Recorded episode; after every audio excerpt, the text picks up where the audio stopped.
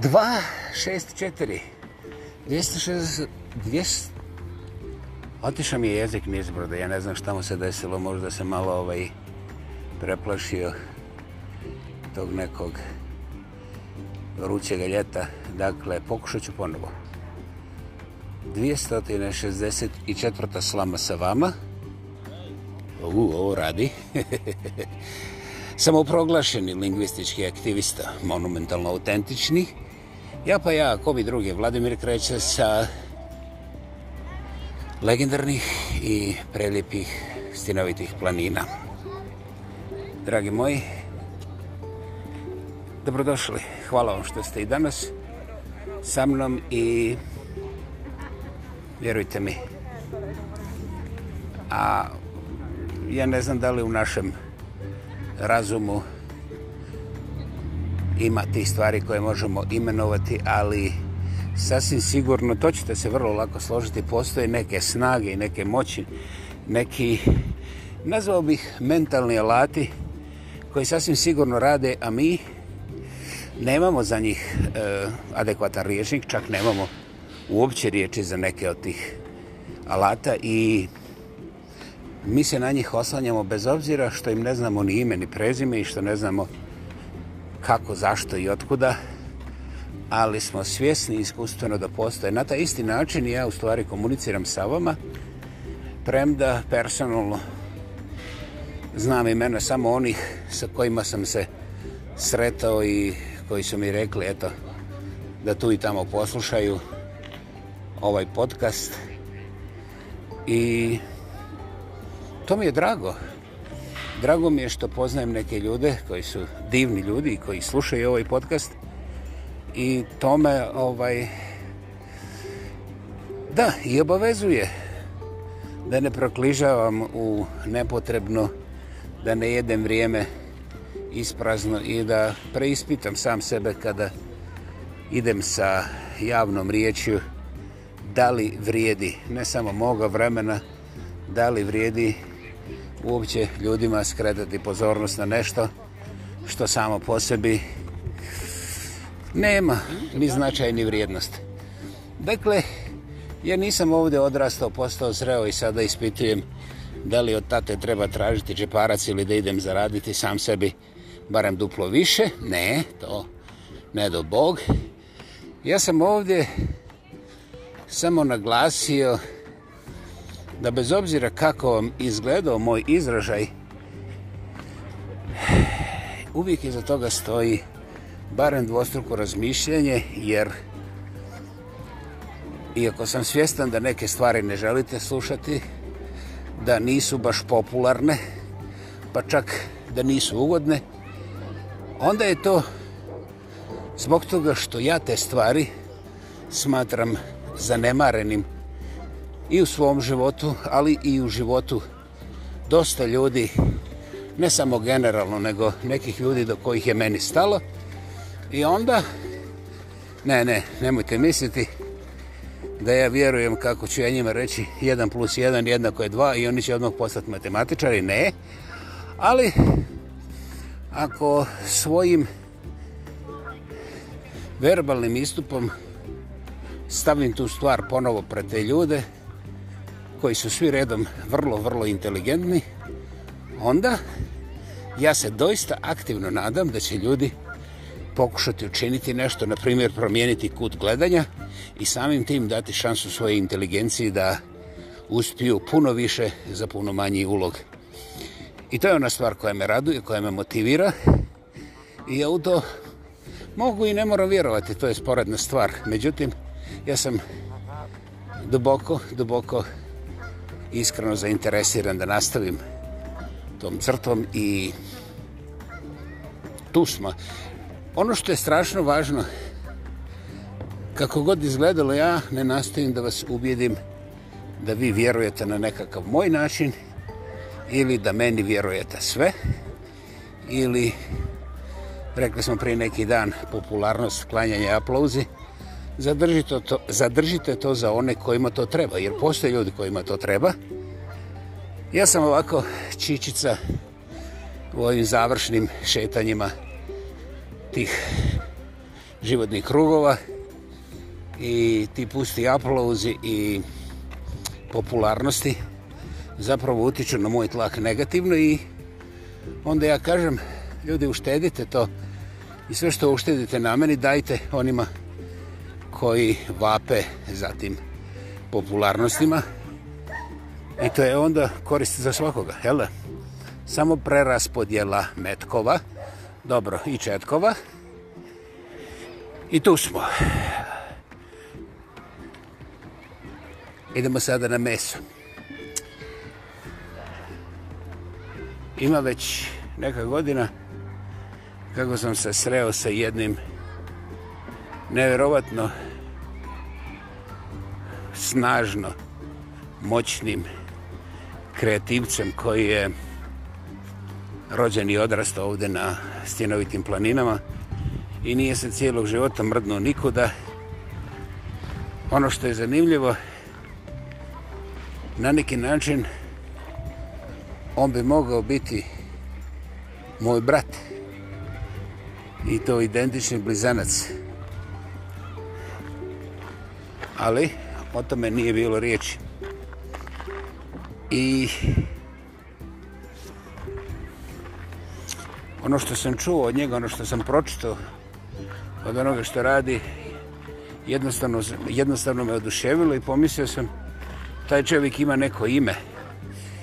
I onda kada mi je on rekao ime, ime je zvučilo kao da je skinuto sa Beverly Hillsa, vrlo, vrlo poznato ime, ali on kaže, nisam ja taj, nego ja sam ovaj odavde. I ovaj, ja nisam bio razočaran. Ja nisam bio razočaran, ali nisam mogao povjerovati. Onda iza toga sam smatrao da stoji jedna ozbiljna financijska kula. Bez karata, nego onako solidno. Ne, ni to. Onda Ja, on živi kao sirotinja, ali gledano takozvanim našim regionalnim očima u odnosu na ono što bi trebao biti, on jeste sirotinja. Jer njegova kuća jedva da vrijedi milion dolara. I onda što se meni svidilo, on ima svoje dvije web stranice koje su oba dvije diametralno suprotne po svojem konceptu, sadržaju ciljevima, porukama. Vrlo zanimljivo nešto što ja volim raditi. I te stranice postoje više od 20 godina. Imaju solidnu publiku od nekoliko stotina ljudi i godinama se nigdje ne šire. I tu sam ja u čudu gledao cijelu jednu sezonu. Onda smo počeli u, u lokalnoj knjižnici da se sastajemo na kafama i da razgovaramo o svemu i svačemu. Tako da mi je jednog dana, slučajno ili neslučajno, ne znam kako, objasnio kako je njegova žena podlegla raku. I onda ide jedna unikatna priča koja je meni fantastično poznata, nažalost, sa vlastite kože. I čovjek kaže, pa ti si genije. Ja kažem, ne, ja mogu biti genitalija, genije ni slučajno. Jer ovaj, nećeš vjerovati, inače on, on je gotovo agresivno antireligiozan, što ja nisam nikada. I ovaj, znaš, priča oko vjerovanja, ali ja kažem, pogledaj i ispričat će mu priču oko Helene i mene, koju je on fascinirano slušao bez da je malte ne udahnuo. I ja kažem, eto, zar to nije priča tvoje supruge? Čovjek nije ništa rekao i vrlo rijetko, zapravo nikada se ne desi da u ovom mom engleskom dijelu života da čovjek nema taj super napumpani sretni osmih zadovoljstvo polite polite idemo dalje Znaš, ono, mi smo praktični, ne možemo biti emoto, emotivno ovaj aktivirani, jer znaš, to je potrošnja vremena i napora u nešto 47. A mi radimo na dobrom životu, jer mi dobro živimo. Hype, hype, hype, and so on. To je već jedna posebna priča o kulturnoj i sociološkoj fenomenologiji ovoga vrlo hibridnog anglosaksonskog područja življenja, recimo. I to je bilo to.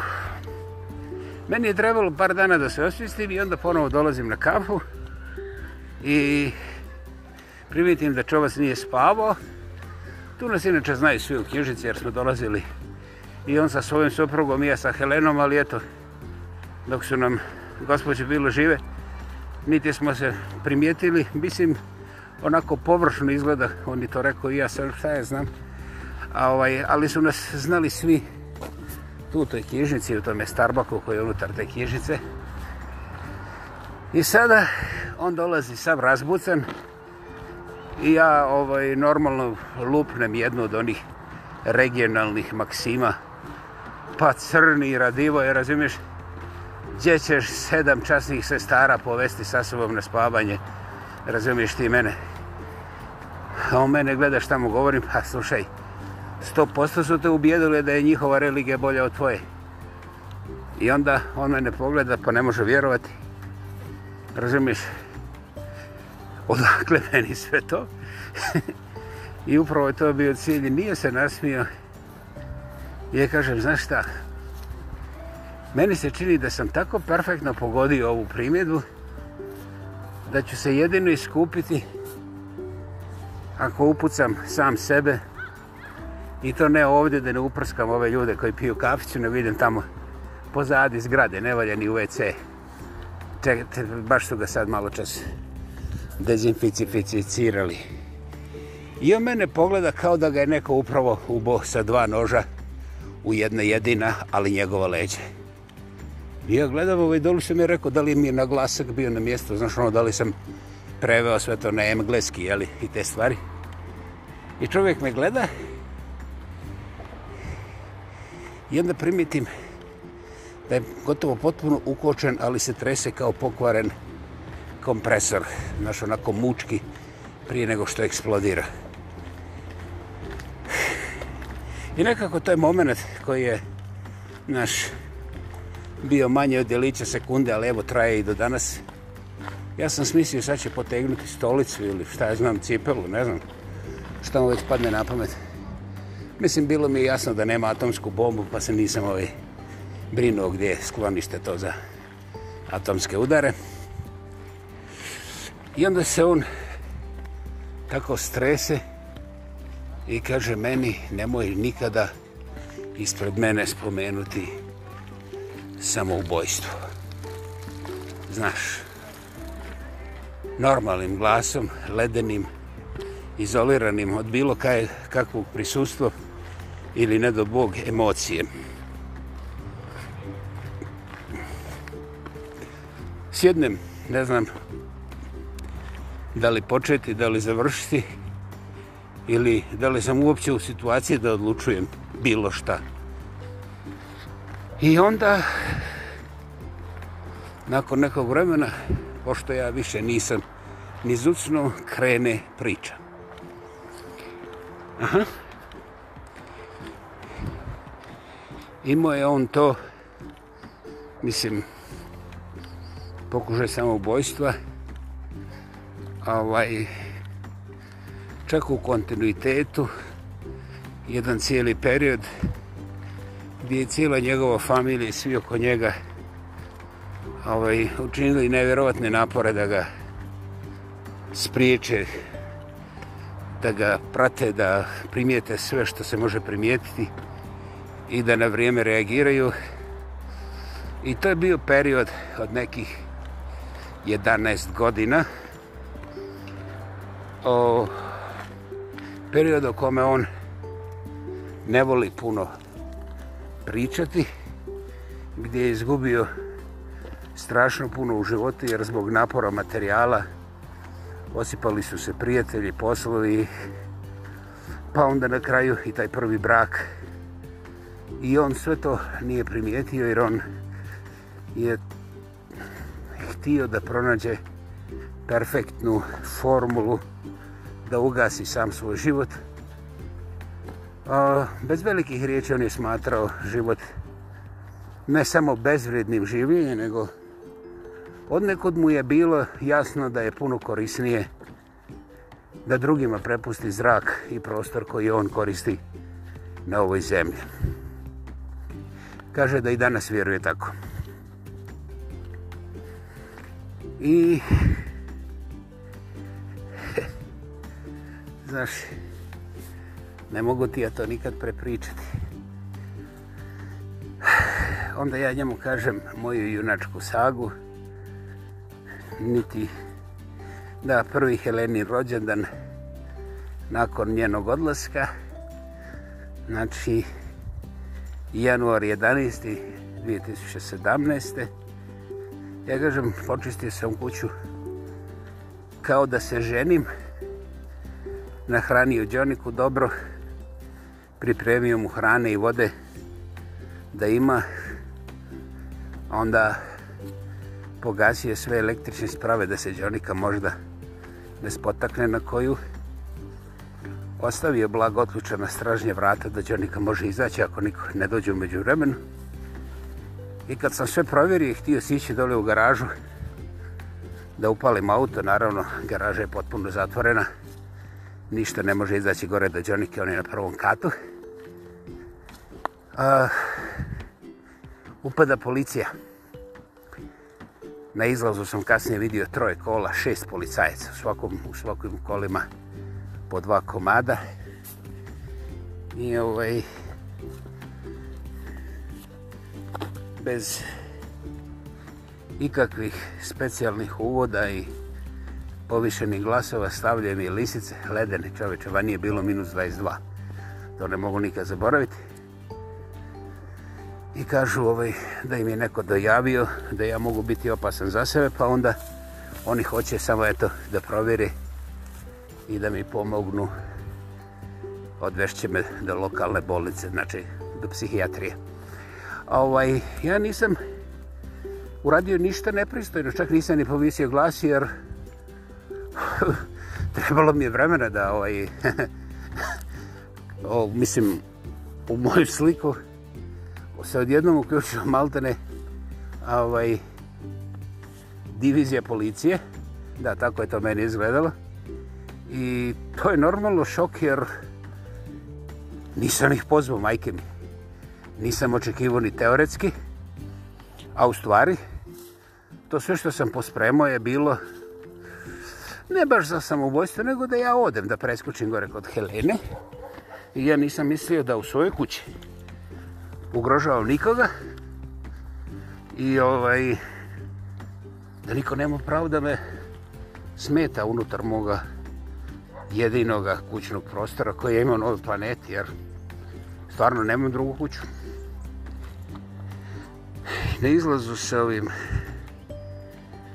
narukvicama, jeli, primijetio sam kako su svezali Đoniku i i njega su pokupili da ne ostane u kući jer ova druga kola su ostala da prate da li u kući ima nešto što bi izazvalo požar kada mi odemo ili nešto tome slično. Dakle, vrlo ozbiljno su se pripremili da ne propuste koji detalj u cijeloj toj priči. Thank you. Hello guys, I like you. Don't worry, don't worry, I like you. Thanks. Yep, sorry, sorry. uh, dakle, to sam ja njemu, ovaj, ne, to nije bilo priznanje, nego rekao sam, gledaj, kako sam ja promršio, a ovaj, činilo mi se da radim organički pristup odlasku sa ove planete, jer ja nisam vodio diskusiju sa sobom da li moja korišćenje zraka oduziva nekome daha ovaj, pa da mu taj baš zrak koji ja koristim treba njemu.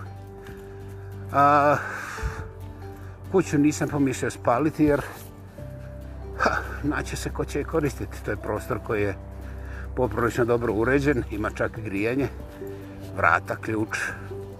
Dakle, nisam ja morao tu ništa nikome da objašnjavam. Međutim, eh, ulazak policije, pogotovo tako masivan, me je totalno šokirao ja sam dosta dugo vremena bio blokiran. Dobro, ako hoćeš da to nazoveš strahom, nazovi. Ja sam kukavica, to nema problema. Ali, tako na večer, Ja sam bio potpuno spreman da odem, znači negdje prije 9-10 da budem već na onom svijetu, da stignem tamo. Dok se dijeli ključevi, jeli zapakao da ne zaboravim kako sam ja to zaslužio postići.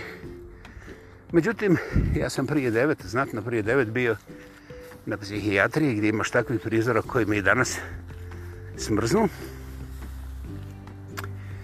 I to sa vrlo ledenim prizorom na rukvicama koji su mi skinuli tek negdje oko ponoći.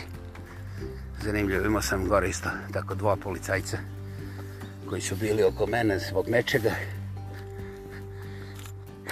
I sad, o čemu tu govorimo?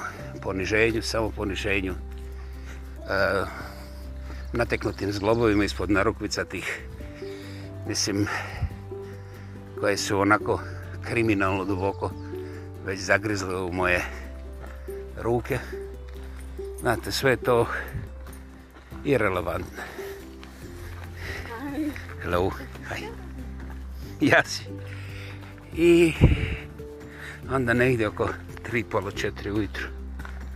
Ovaj, najzad neko se sjeti da mi dozvoli da li hoću nešto pregristi.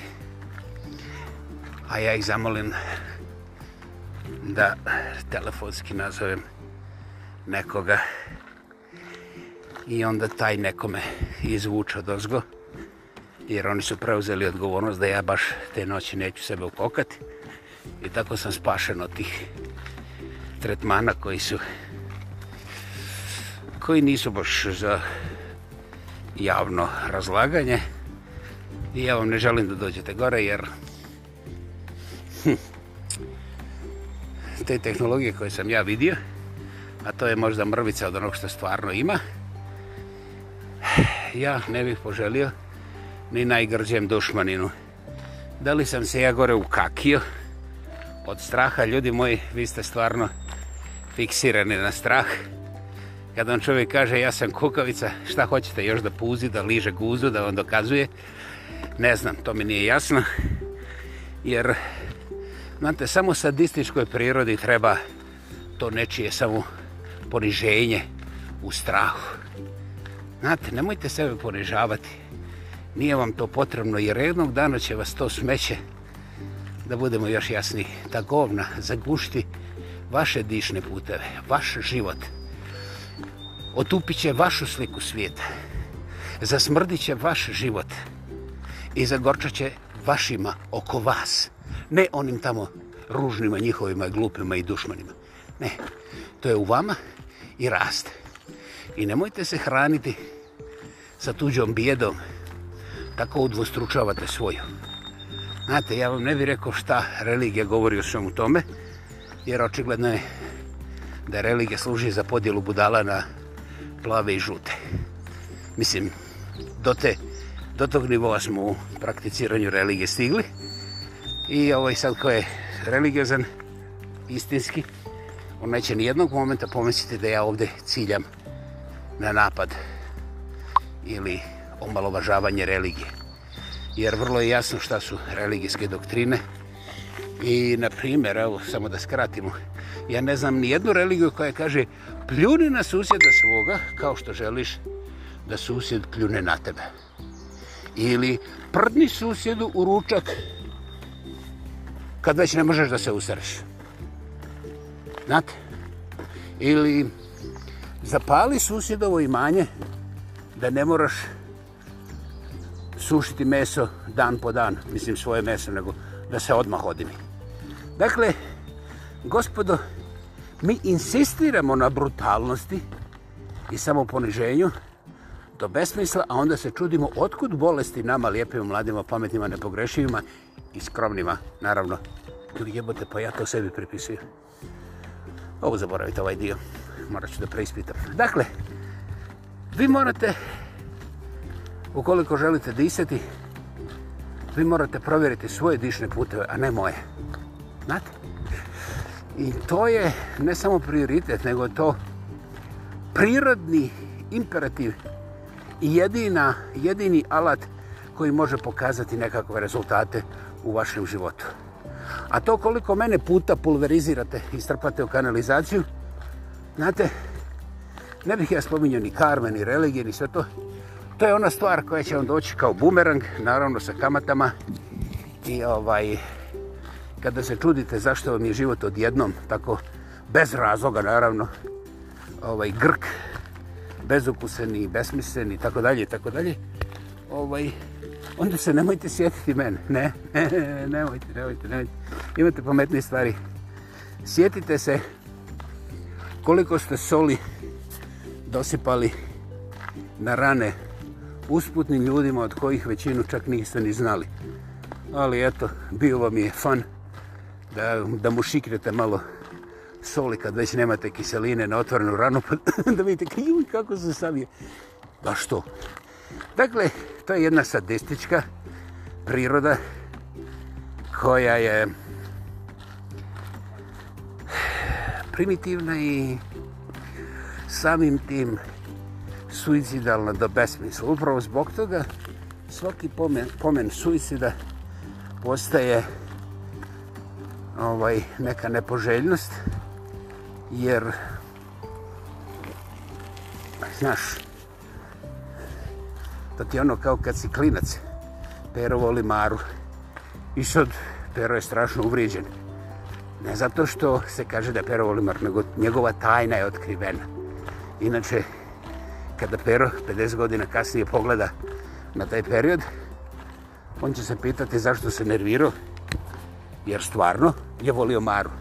Međutim, kada Pero ima 13, 14, 15 godina, onda to Pero voli Maru, i otkrivanje njegove najdublje, najintimnije tajne i predstavlja opasnost za njegov, njegovu duševnu stabilnost. Vjerovali ili ne?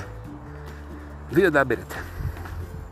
Dakle, vratimo se ovome mome kolegi koji je 11 godina doista naporno radio. Znači, ja sam za njega amater. Ja sam promošio jedan put i naravno najviše zgražavanja, odvratnosti, pljuvanja, i ponižavanja, da, da, sam doživio i nastavio da doživljavam od svoje najbliže rodbene. Da, dobro ste čuli.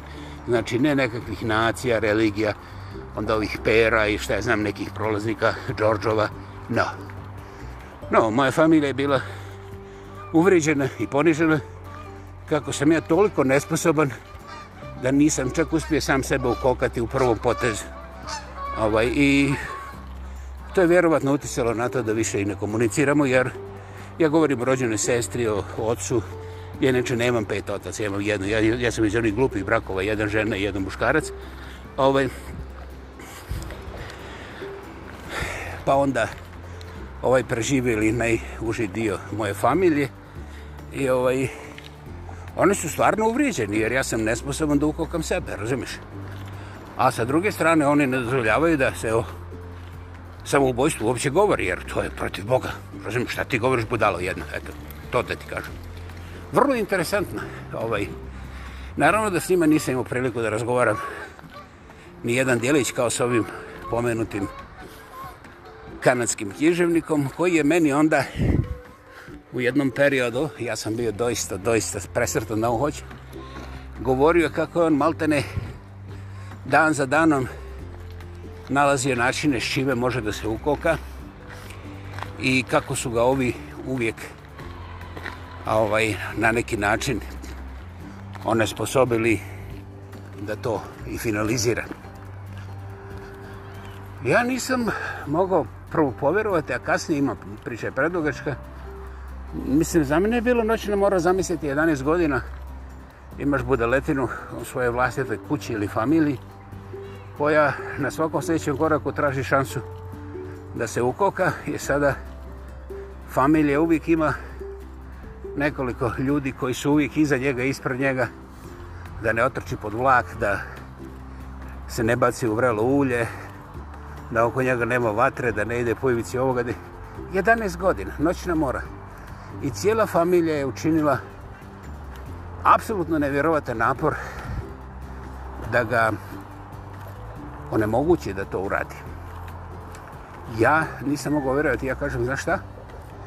Nakon tri mjeseca ja bi to ubio, mislim, što nisi bio moj brat. I on pogleda mene i ovaj, onako, čisto normalno. I, on, ovaj, i onda kažem, ovaj, znaš šta? Jesi ti umro sada? On se nasmije onako, baš prijateljski. Kaže, da, da, da li ti znaš šta si rekao? Ja kažem, pa, znaš šta, ti si rođen i odrastao na engleskom, ja nisam. On se opet nasmije onako drago ljudski. I kaže, znaš, ja ti vjerujem, šta mi vjeruješ? Pa kaže, ja ti vjerujem da bi ti kakav si tvoj karakter, mislim, da bi me ti ovaj, u koko, možda i prije tri mjeseca, ovaj, dakle, ti bi mi objasnio kako stvari rade, pokušao bi ovo, pokušao bi ono, mi bi rekao, hej, nemam ja cijeli život da trošim sa tom, evo da ti pomognem, ja ću te upokati, zdravo. Ja kažem, da, da, to je moja regionalna pragma, jer, slušaj čoveče, nemam ja 10 godina i 9 mjeseci da čekam tu neizvjesnost, da ti sam odlučiš na koju ćeš stranu, znaš. Ako si baš toliko zainteresiran za samoukokavanje, Pa evo ja ću te ukopati, mislim, onako imaću sa sobom, sa svojim savješću, vrlo jednostavan razgovor gdje ću ja biti heroj koji će spasiti familiji 10 godina i 9 mjeseci, a tebi učiniti da baš ideš odmah među anđele, kako si rekao, jer to je jedino što hoćeš. I onda on meni kaže, okej, okay, razumijem, Međutim, u mojoj familiji niko tako nije ni pomislio. Ja kaže, jebote familija, ti mora biti engleska. A meni pita, je li ti to kao šala? Ja kaže, ne. Guys, you got wonderful dog. Thank you. It's a wolf. Hello. Hi. Yeah. Dakle, on meni kaže, Vidiš?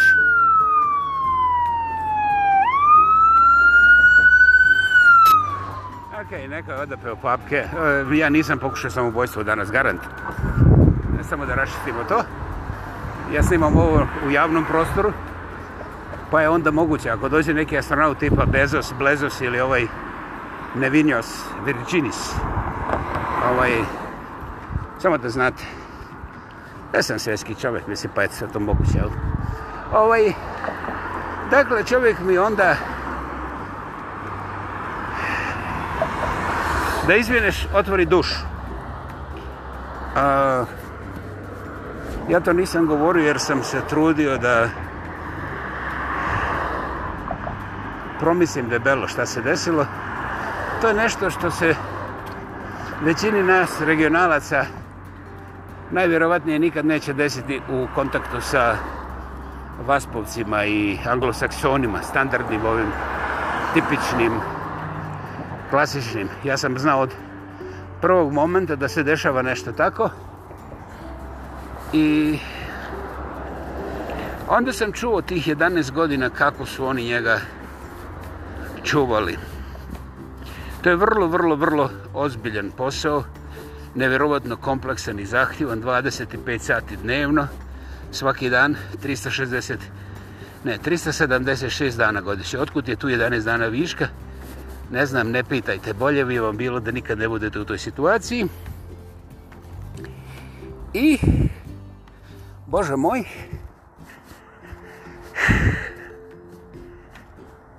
ja pitam njega, pa šta je promijenilo situaciju? Kaže, žena. Žena. Ja kažem, pa nije moguće da ti nisi znao ovaj, znaš, ženske, muške stvari, ono, to se rješava lako, možeš čak i da platiš, kupiš. O mene opet gleda, nije bilo zgađanjem, ali, hm, kaže, znaš, vjetar odnese i veće smradove i odneće i ovaj. Kaže, ovo je bila žena koja je prišla i htjela je čuti moju priču. Ja kažem, pa zar ti nisi ovih 11 godina sa svima njima pričao, pričao, pričao, pa da ti je već jezik otanjio? Pa onda udeblje, pa otanjio, pa onda tako jednog zilijom puta. Kaže, da, ali na prvi moment ja sam osjetio kontakt. Ja kažem, hej, znaš šta, je li to zaljubljeno što već jeste bio, znaš, uzbuđen? Kaže, ne. Kaže, ja sam osjetio kontakt. Ona je bila zainteresirana da čuje moju riječ. Ona nije morala cijelu priču, ali riječ. I kada sam ja osjetio taj kontakt nakon šta je znam, vrlo malog broja njenih riječi, onda sam ja počeo da govorim. I onda je ona prihvatila to. I sve do njenog zadnjeg daha, dok je kancer nije pokupio, mi smo bili presretni, stabilni i svoji, evo u ovoj kući gdje ja danas živim. Da, Randall J. Murphy, thank you. You've been my first guest on this podcast, answering the questions you never understood because even my English is horrific. It's at least 10 zillion times better than your Croatian or Serbian or Bosnian or Montenegrin or something, whatever, whoever, whatever. Luckily. Mi imamo ovdje situaciju Houston. I onda sam ja morao razmišljati. Znaš, a, onda sam ja morao razmišljati, ali svaki put kad se sretnemo, moj dragi Rendal je govorio niti jednu riječ u pravcu samoubojstva. Nemoj pomisliti, jer ja znam kako na to odgovoriti. Dakle, ja želim poštovati sve one ljude koji su 11 godina uložili nevjerovatno da me spriječe, jer bez njih bi bilo nemoguće da ja sa svojom pat, tako se zvala ona, proživim, pazi sad ovo, 26 godina. Ja sam sa Helenom skoro 27, ali smo se zadržali 10 dana manje, pa sam i ja sa Helenom u 26. godini. I ovaj, ja, ne vjerovat, ne vjerovat. I onda mi kaže, znaš, ne možeš govoriti o samobojstvu, jer trebaš završiti još nekoliko stvari koje si obećao svojoj Heleni. A vrijeme? Evo, pogledaj kalendar. Ne poznaje ni mene, ni tebe, ni jezik. I vrijeme čini svoje. I na groblju ćeš stići u pravom momentu, u idealnom momentu. Ja kažem, pa ti govoriš kao religijezan čovjek. I on pogleda mene i kaže, Znaš, ako ti na bilo koji način skrenem pozornost da je samo ubojstvo uzaludno, onda me možeš zvati i religioznim. I eto. Dakle, svima vama koji pomišljate o samobojstvu, ja nikada neću reći kao moja rodbina, da ste šuplji kukavice koje su promašili, koji su toliko nesposobni da ne znaju sami sebe okokati. Jer to je riječnik promašenih života, to je riječnik očajnika koji nemaju sebe, a samim tim sva njihova vjera ne postoji, jer oni koji nemaju sebe ne mogu imati nikakvu vjeru oni imaju fiksacije, frustracije i bljutarizacije, kao što vidite. Da li ja želim njih omalovaža, omalovažavati ili omalovažiti, nijedno ni drugo, ja želim samo skrenuti pozornost da kalendar ne promašuje. Svi ćemo biti pokojni. Umeđu vremenu, ako se okrenete oko sebe, postoji nevjerovatan broj i ljudi i prilika kojima trebate i koji će vrlo rado i sretno da prihvate vašu ruku. Dakle, ako su do sad sva vrata bila zatvorena, ostavite ih, neka budu zatvorena, idite na sljedeće. Nikad se nije desilo da su do vijeka sva vrata zaključena. Nikada. Nikada. Ovom zgodom ja se zahvaljujem Rendalu J. Murphyu i kažem Randall, you are right. I was wrong and admitting that publicly I don't feel any kind of weakness, not even euphoria. I'm actually in peace and glad that all controls are definitely out of my hands and still I'm perfectly in control. Absurd? No. Reality of life, as you know. Dakle, dragi moji, volim vas. Iako mislite da se ukokate, ne razmišljajte šta će reći vaša rodbina ili neki pero, pa čak i ovaj vladu s ove strane ovog podcasta. Međutim, udahnite. Udahnite i pogledajte još jednom oko sebe i sjetite se da ne mogu sva vrata uvijek biti zaključena. Pokucajte na sljedeće. I da, to bi bio naš 264. susret u podcastu Slama sa vama. Ja pa ja, ako bi drugi Vladimir Kajče sa predivnih stinovitih planina, Čujemo se prije što se vidimo. Imajte predivan dan. Ćao.